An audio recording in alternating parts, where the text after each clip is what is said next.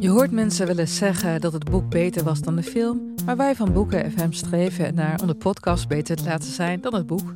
Wij lezen de klassiekers die je nog niet gelezen hebt. We lezen de boeken die je heel graag wil lezen, maar waar je eigenlijk voor schaamt om in het publiek mee gezien te worden.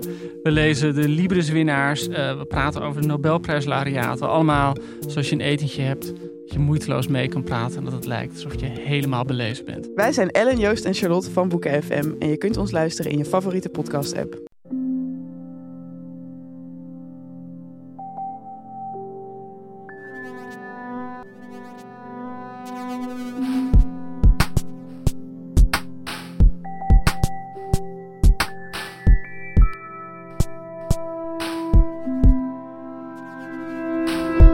Dit is Relaas, waarin iemand een verhaal vertelt over iets dat hij zelf heeft meegemaakt.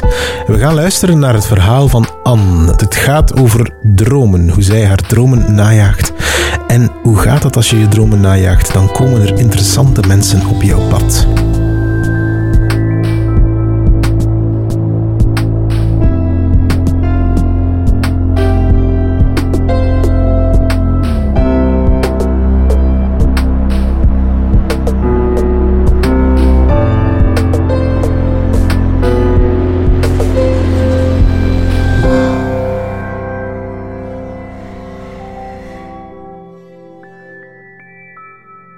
Als kind een droom en die droom was om beroemd te worden. Hoe ik beroemd zou worden, dat deed er niet echt aan toe. Eerst wou ik prinses worden, zoals alle kleine meisjes, denk ik dan. Um, daarna wou ik vooral uh, Miss België worden, zoals Rani de Koning in der tijd. En mijn ouders vonden dat uh, wel, wel grappig eigenlijk, want um, zoals dat jullie nu zien, ik ben nogal mollig. En ik was als kind ook nogal mollig. En zo'n mollig meisje dat dan bezig is dat ze, zoals Rani de Koning, uh, een heel slank poppetje op tv wou komen verschijnen. Um, ja, dat, dat vonden ze wel grappig. Toen ik zo een jaar of twaalf was, zag ik in de Jommekeskrant een zoekertje staan. Een zoekertje waarin dat ze op zoek waren naar tienermeisjes. Uh, ze zochten een actrice voor een film, de film Rosie. Um, Rosie, dat is een film van Patrice Toye. En in Rosie speelt een jong meisje de hoofdrol. En dat meisje uh, woont alleen met haar moeder en die zit heel vaak thuis. En heeft daardoor ook een, heel levende fantasiewereld. En in die fantasiewereld wordt ze ook verliefd op een jongen.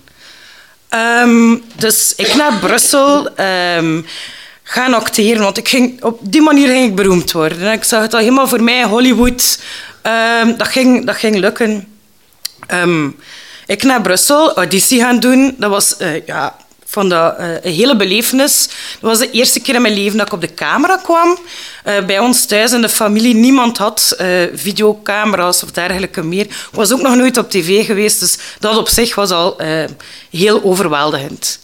Um, jammer genoeg um, heb ik niet Rosie gespeeld. Ik was niet gekozen.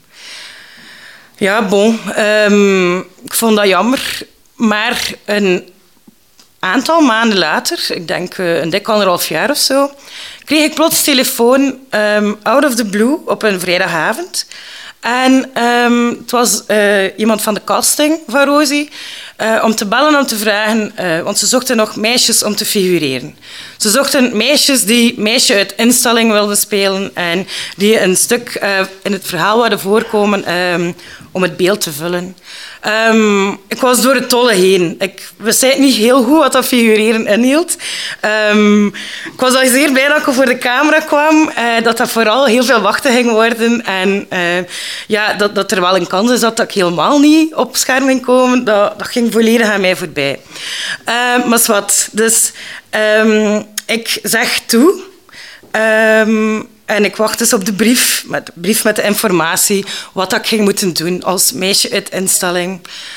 Um, dus dan krijg ik de brief met de gegevens. Um, en in die gegevens stond er van ja, het zijn opnames in Braskaat op een zaterdagochtend.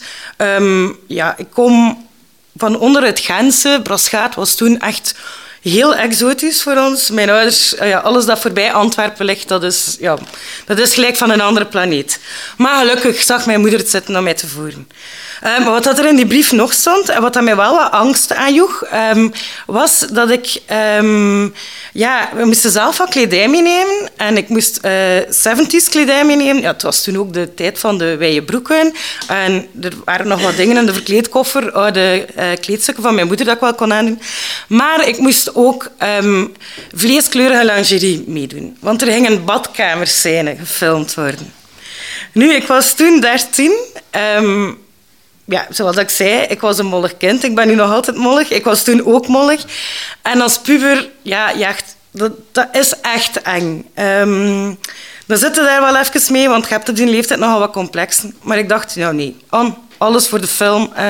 alles voor Hollywood. We gaan hier beroemd worden. We gaan dat gewoon doen. Um, dus we gaan naar Braschaat.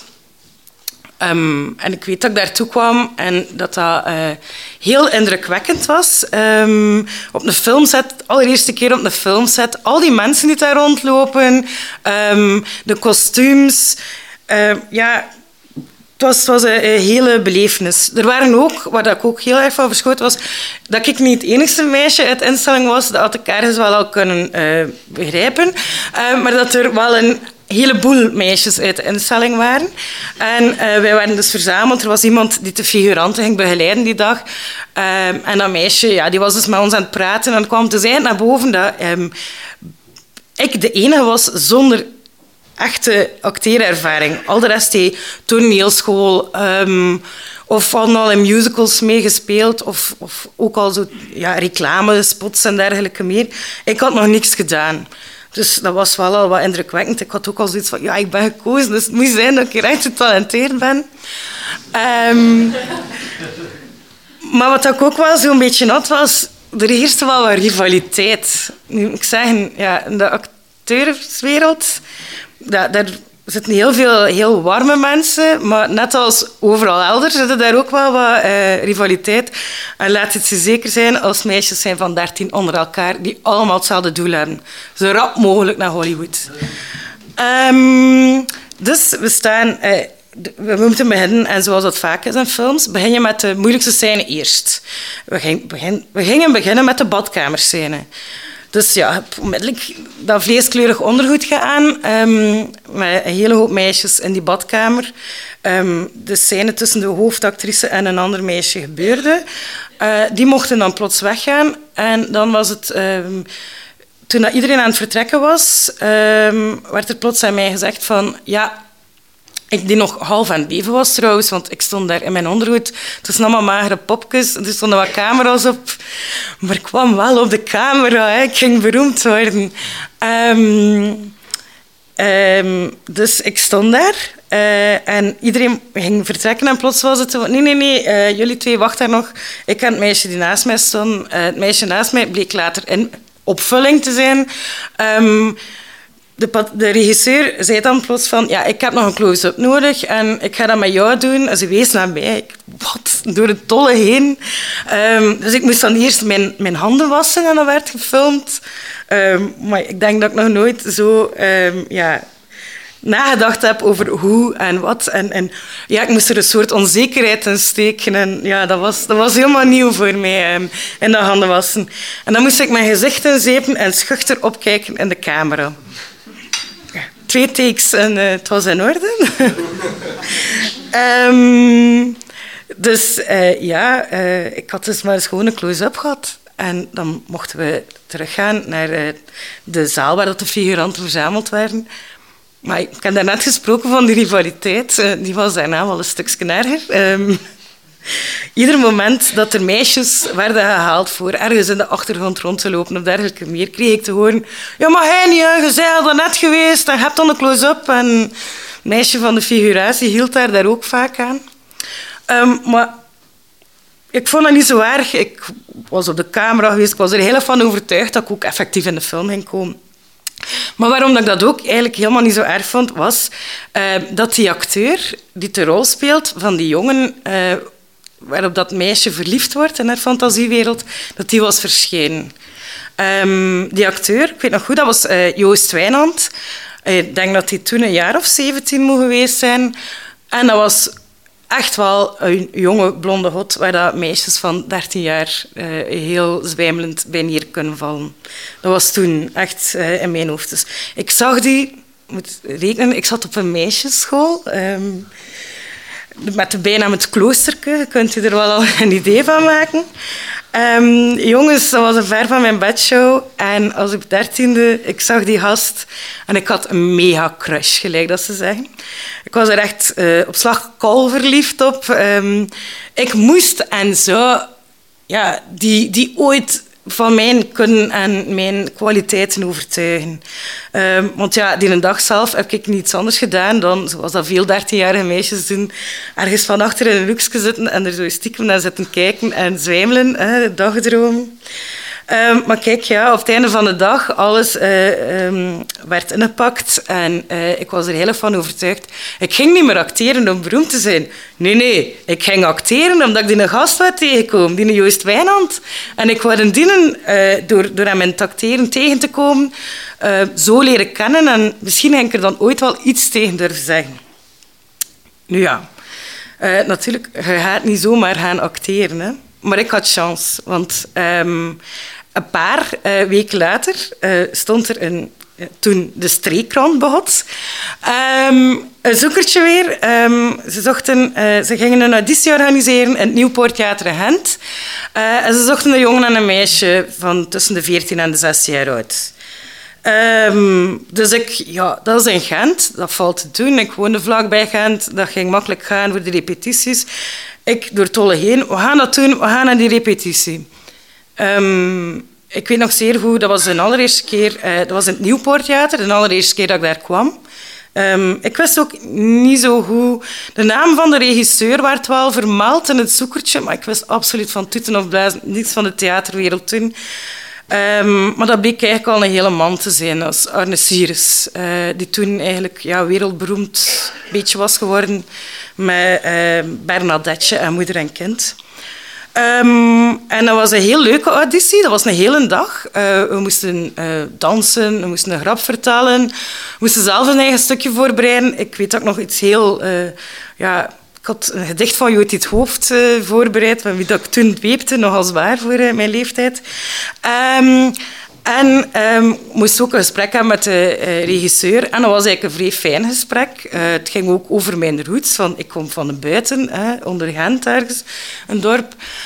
Um, en ik weet dat ik die een dag vertrok en dat ik mij eigenlijk echt zo geamuseerd had met dat zo... Um, ja, dat spelen op zich, uh, want die dansscènes, en dat was met een hele groep en dan moesten we een vijf doen of dergelijke meer. En ik had daar echt een goed gevoel bij. Ik had zoiets van, dit wil ik echt wel doen. Um, dus ik ging naar huis in de volle overtuiging, dit wordt de hele week bang afwachten op de brief. Nu ja, de volgende dag, als je gekozen wordt, krijg je geen brief. Je wordt gebeld. Dat wist ik nog niet. Maar de volgende dag kreeg ik effectief telefoon op zondagavond dat ik gekozen was. En ik was door het dolle heen. Um, ik weet dat ik nog een hele week op, op hitte kolen zat van ja, en hoe gaat dat stuk nu zijn? En is dat ik en die jongen en komen er daar nog andere acteurs bij? En hoeveel keer zouden we mogen spelen? Wie weet, mogen we twee of drie keer optreden. Hè? Um, ja, die vrijdag ging ik dus naar Gent, uh, een afspraak met de regisseur um, en nog wat mensen. En Arno begint plots uit te leggen wie dat er allemaal gaat meedoen aan um, dat toneelstuk. Ja, daar zaten ook een aantal bekende acteurs bij. Ik weet niet of dat jullie er ooit Ons Geluk hebben gezien. Uh, ik was vroeger hevige fan van Ons Geluk. En dan vooral ook van René Hox. Jullie misschien beter bekend als Johan Heldenberg. Die ging meedoen. En uh, nog wat andere namen. Anneke Miller. Uh, ja, iemand die toen zeer onbekend was, maar later wel bekend. Uh, Titus de Voogd en, en dergelijke meer. maar dat was maar echt heel veel acteurs. De meesten hadden al veel ervaring. Um, ja, dat was een beetje verschieten. En niet alleen dat. We gingen niet twee keer spelen. Nee, we gingen gingen lang spelen en lange speelreeksen spelen en op tour gaan en misschien ook wel naar het buitenland gaan. Dus dat was echt zo, wow, eh, oké. Uh, ik wist niet zo goed waarin dat ik mij ging begeven, uh, maar ik had er zin in. Ik, ging, ging, ik zag het als een avontuur En ik wou er echt, uh, ik er echt mee beginnen. Um, dan een paar weken later was de eerste dag uh, van de repetities. Ik zie mij nog altijd zeer goed uh, toekomen. Ik kwam um, van school um, rechtstreeks met mijn boekentas toe. Ik kom binnen het Nieuwpoort Theater in de foyer. En er is iemand die mij vraagt wat ik wil drinken. En ik zeg koffie, want ja, ik wil stoer doen. En vooral volwassen voorkomen, want ik ben het kakkernestje en ik ben veertien. Nu, nee, ik ga hier koffie drinken. Um, en ik mij in een hoekje en ik begin koffie te drinken. En ik zie al de rest van de acteurs toekomen. En ja, die kennen elkaar al wel wat. Um, zelfs degenen die niet zo bekend zijn. Die hebben al gespeeld bij Arne Sirius of bij Alain Platel. Die hebben elkaar al tegengekomen. En ik zit in een hoekje te kijken en te denken. En ja, ook een beetje te vloeken, want ja, ik zag plots iedereen roken. En ik rookte wel toen, toen al, ja, als zeer jong meisje eigenlijk. Um, maar ik had mijn sigaretten niet mee. Ik was er echt zo over aan het want ik was zo nerveus toen. En dat duurde gelijk een eeuwigheid. En plots um, ging de repetitie beginnen en werden we rond een tafel verzameld. En we gaan aan die tafel gaan zitten. En um, de regisseur, Arne, dus begint te spreken. En ik werd een beetje van mijn sokken geblazen. Want uh, die eerste repetitie, ik, ik, had nog altijd zo'n beetje het gevoel dat we misschien een tekst gingen brengen of dergelijke meer. Hij had mij al gezegd dat hij anders werkte, dat hij op basis van improvisaties werkte. Maar, maar je, kunt dat, ja, je kunt dat niet echt bevatten. En ik weet dat die eerste repetitie dat hij eigenlijk kwam, basically gewoon een whiteboard waarop dat een decor getekend stond. De decor was er. Hij wist dat er een hond ging meedoen. Welke hond, dat wist hij nog niet. Um, hij wist welke acteurs dat er gingen meedoen. En hij wist al een aantal vage uh, storylines, vooral uh, de amoureuze uh, storyline tussen de actrice en twee andere mensen. Um, al de rest lag nog open. Um, dan mochten de mensen ook, plots mochten we een naam bedenken. En ik was een beetje overrompeld. Uh, en uh, ze zitten dus bezig. Het ging een stuk ook zijn over de buiten. Uh, het stuk zelf noemde mijn blakje. Ehm, ik weet niet of dat er dat ooit iemand gezien heeft. Dat is ook al heel lang geleden natuurlijk. Um, maar het stuk, het stuk, speelt zich af op de buiten. En ik weet dus ja, dat aan mij vroegen van ja, hoe noemde jij eigenlijk? Ik zeg ja, Anne. Oh ja, uh, en het stuk speelt zich af op het buiten. Oh ja, ja, een echte boer, een Tantana. En iedereen begon te lachen en te zeggen, ja, dat is hem. En ik dacht zo, nee, mezelf. Tantana, dat is zo gelijk... Ja, de, de groottante van mijn moeder noemt zo. En, maar ik had dat niet durven zeggen, want ik was veel te verlegen. En... Um, ja, ik heb dus eigenlijk gewoon... Ik ben toen Tantana geworden en Tantana gebleven gedurende heel de speelperiode en de repetitieperiode. Um, en dan werd er ook zoiets van, ja, er moest nog een beetje een invulling van waar kom je? En plots zit er iemand, oh, van Westminster. Moet eerlijk bekennen, ik ben nog nooit heel mijn leven in Westminster geweest. Ik weet niet hoe dat ze daar spreken. Ik weet alleen dat dat tussen Antwerpen en Gent ligt, op de baan van de E17. Maar bon, ik kwam dus uit Westminster en ik ging ook de cafédochter spelen, want stuk was eigenlijk de achterkant van een café. Um, ja, dat was eh, een indrukwekkende eerste repetitie. En dan begon eigenlijk het zelf, het maakproces. En ik weet dat we dan zo... Af en toe kregen we opdrachten mee. Dus ik moest bijvoorbeeld een boek lezen. We keken naar films. Ehm, we moesten kleine stukjes spelen, dus we kregen een opdracht en, en we moesten dat naspelen. En soms zat daar iets in en andere keren was dat gewoon... Ja, hoorde dat toch, droeg dat niet bij tot je karakter of tot de meerwaarde van het verhaal. Ik heb toen ook een klein monoloogje geschreven. Um, maar wat ook vooral heel leuk was, was de langere improviseersessies. Dus dat was af en toe dat we gewoon uh, twee uur op de plateau werden gezet. Dus uh, de, in een soort provisoire decor.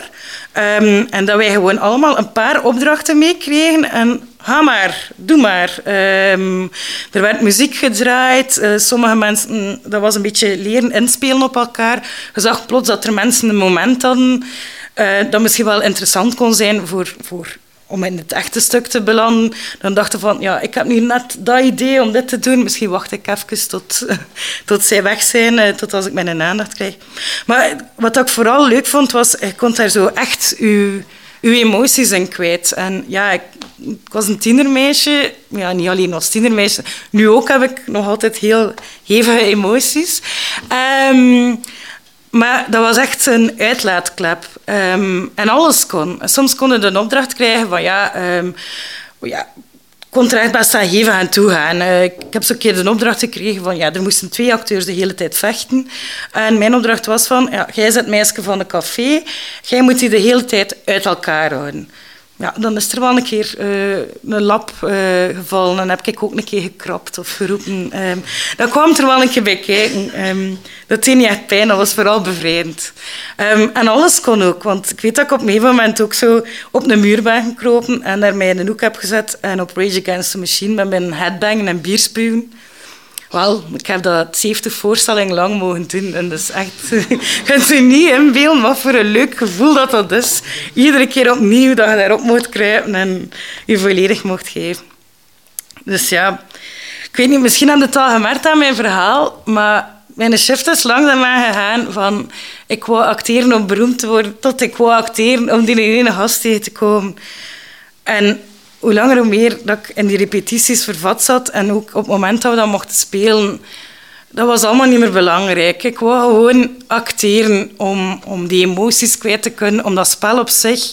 Omdat het fijn was om met die mensen creatief bezig te zijn. Um, ja, dat was, dat was echt living the dream toen um, voor mij.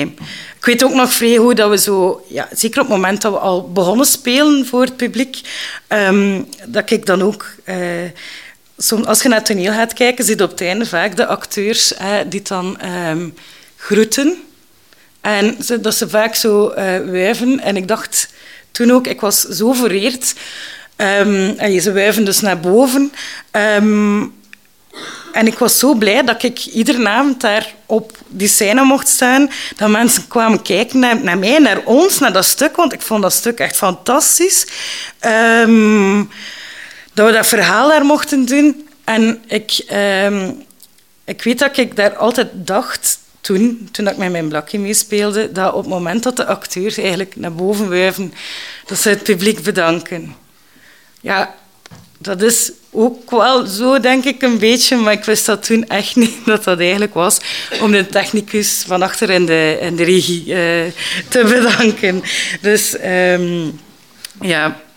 Um, en wat dat ook heel leuk was, wij, wij kwamen wel echt goed overeen. En ik was wel jonkie en um, er waren ook wel wat lolletjes onder elkaar uitgehaald. En een van de dingen was, ik had een of andere droom. Ik wou heel graag dat Jan de Kleer kwam kijken.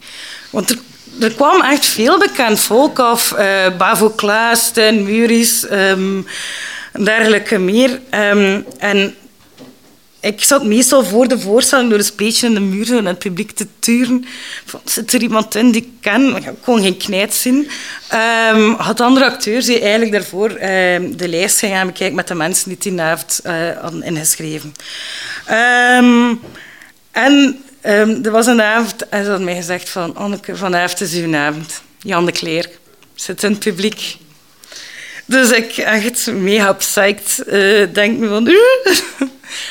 Jan de Kleer, ik ga hier vanavond voor spelen. Um, heel geconcentreerd, echt serieus gespeeld. Um, ik denk effectief dat hij van mijn beste keren ever was. Maar dan na de voorstelling bleek dat ze mij in het ootje hadden genomen. Dus Jan de Cler, um, die zat niet in het publiek. Goh ja, je kunt er wel een keer mee lachen. Het is niet dat... Dat gebeurde wel af en toe. Um, ik weet nog dat ik me dan omgekleed had en gewassen en dan, uh, dat ik naar de bar ging.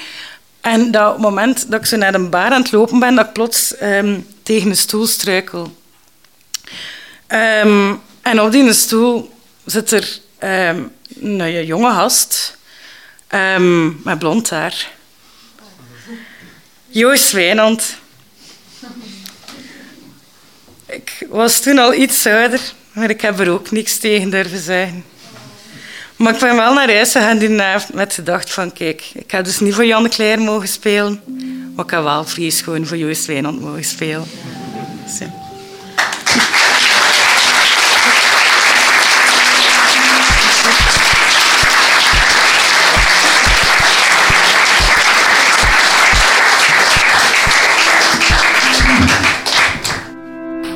Dat was het verhaal van Anne. Ze vertelde het in Husset, dat is onze vaste stek, een gezellige huiskamer in Gent.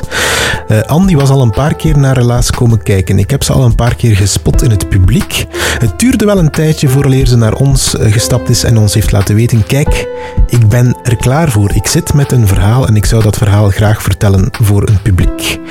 Zo gebeurt dat wel veel bij onze vertellers. Dus dat zijn mensen die eerst ons leren kennen, die dan eens naar een van onze uh, vertelavonden komen en dan pas beslissen: ik wil zelf ook graag eens een verhaal vertellen. Dus als jij ook met een eitje zit, iets, een plantje in je hoofd en je denkt van hmm, dat zou misschien wel eens een verhaal kunnen worden, dan kom je gewoon eens kijken naar een van onze vertelavonden. Je kan je daarvoor inschrijven op onze website.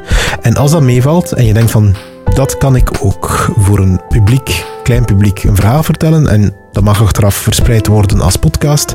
Dan kom je maar eens tot bij ons. Wij zijn uh, met een hele hoop mensen die daar aanwezig zijn om relaas te organiseren. Dus je moet al uh, je best doen om ons niet tegen het lijf te lopen. Ik zeg voor alle zekerheid alle namen eens. Anneleen Schelstraten, Marleen Michels, Steve Konaar, Dieter van Huffel, Stefan Gruijaert, Philip Cox, Ruby Bernabeu Plaus, Sarah Latré, Egwin Contier, Sarah de Moor, Wouter Dupré, Charlotte Huigen, Evita Nocent, Timo van de Voorde, Katlijn de Vries, Sarah de Smet en ikzelf ben Pieter Blomme. Dus zoek ons maar gewoon op die vertelavonden. Wij lopen daar rond. En als je zelf een verhaal hebt, laat het ons dan weten. En ik ga eindigen met een oproep. Een hele belangrijke oproep. Wij zijn een podcast. Wij bestaan alleen en enkel op het internet. En je weet hoe het internet werkt. Wij kunnen niet overleven zonder jullie, onze community. Dus ik dank jullie alvast, onze community. Maar ik wil ook eens vragen of jullie iets voor ons willen terugdoen. En het enige wat jullie voor ons op dit moment kunnen terugdoen, behalve een cheque sturen met 1000 euro erop, is dit verhaal doorsturen naar één iemand. Eén iemand waaraan jouw verhaal dit doet denken. Dus als je denkt van, ah, dat verhaal van Anne, ik ken nog iemand die een uh, acteercarrière najaagt en haar dromen volgt en daar interessante mensen mee uh, tegenkomt, stuur dat verhaal dan naar die persoon. En je zal er niet alleen hem of haar een plezier mee doen, maar je doet er ons ook een ongelooflijk plezier mee. Want wie weet hebben wij dan een luisteraar bij. En we zijn jou daar ontzettend dankbaar voor. En als je op zoek bent naar verhalencoaches voor uw bedrijf of organisatie, dan kan je daarvoor altijd ons iets laten weten. Wij uh, helpen jou bij de opstart van een podcast, maar ook bij vertelavonden bijvoorbeeld. Dus als je um, onze expertise in huis wil halen, dan kan dat. Laat ons dan gewoon iets weten uh, via onze website www.relaas.be. Tot de volgende verhaal, dat zal volgende week zijn.